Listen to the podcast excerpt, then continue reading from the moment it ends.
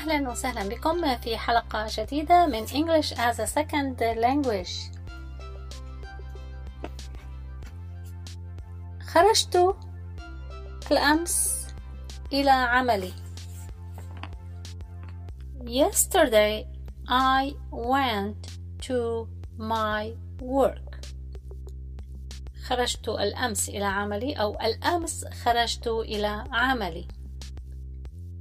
Yesterday I went to my work.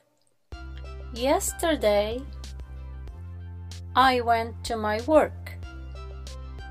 أو ممكن أن نقول I went to my work yesterday. I went to my work yesterday. أخذت الحافلة أو الباص I took the bus. I took the bus.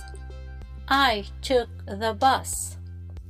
أخذت الباص أو الحافلة إلى عملي. I took the bus to my work. I took the bus to my work. I took the bus to my work. I took the bus to my work. إذا خرجت الأمس إلى عملي. أخذت الباص إلى عملي. Yesterday I went to my work. I took the bus to my work.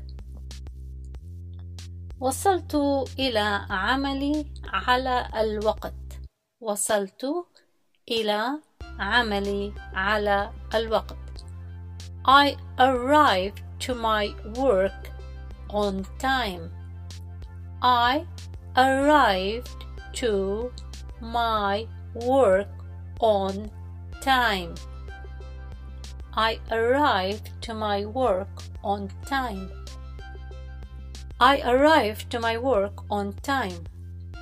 On time. على الوقت. On time. On time. وصلت إلى عملي. I arrived to my work. I arrived to my work. تعالوا نعيد كل المقطع. خرجت أمس إلى عملي. أخذت الباص إلى عملي. وصلت على الوقت إلى عملي. Yesterday I went to my work. I took the bus to my work. I arrived to my work on time. لم أكن متأخر أو متأخرة. I was not late. I was not late. I was not late.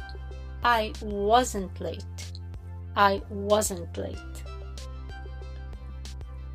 شكرا جزيلا. من أجل استماعكم أرجو أن تكونوا قد استفدتم من هذا الدرس وأن يكون درس عملي في ممارسة اللغة.